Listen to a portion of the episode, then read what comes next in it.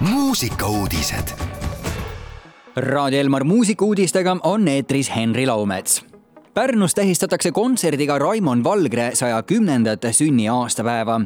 viieteistkümnendal juulil tähistatakse Pärnus Villa Mendes kontserdiga igavesti teie, Raimond Valgre, muusiku saja kümnendat sünniaastapäeva. lavale astuvad Maarja-Liis Ilus, Elina Born, Mihkel Raud, Robert Linna ja Franz Malmsten Neid saadab ansambel koosseisus Kasper Kalluste, Joel Remmel, Martti Tärn ja Tiit Kalluste. Esitamisele tulevad Valgre loomingust nende endi välja valitud lood kontserdi pealkiri Igavesti teie, Raimond Valgre, põhineb helilooja kirjadel Niina Vassiljevale, kellega Valgre tutvus tuhande üheksasaja neljakümne neljanda aasta sõjaaegses Leningradis ühel improviseeritud tantsuõhtul.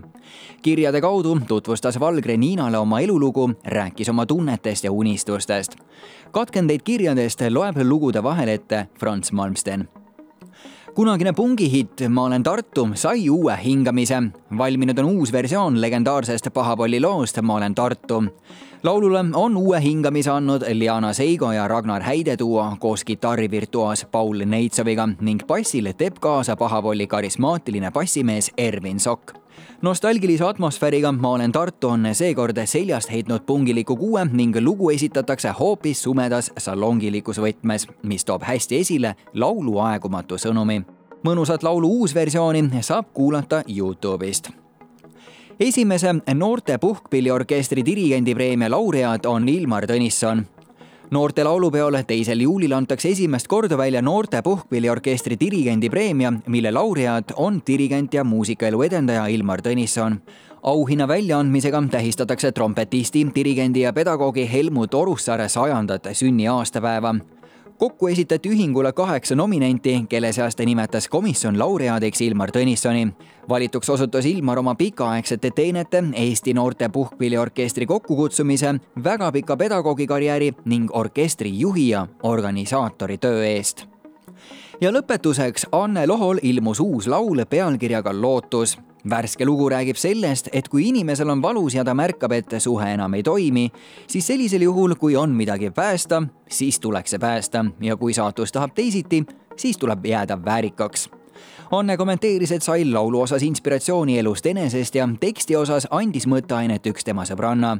Uue loo puhul on tegemist kaveriga Leedu tütarlastebändi hitt viie aasta tagusest suurhitist Nenoriu Nenoriu head Raadio Elmar kuulajad, meie tänasesse päeva lisab värvi juurde Anne Loho oma uue looga Lootus. mõnusat kuulamist.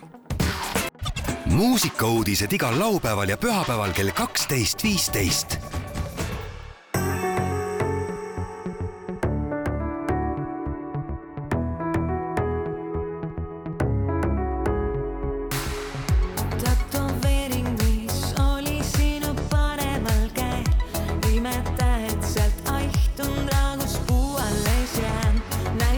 it's so.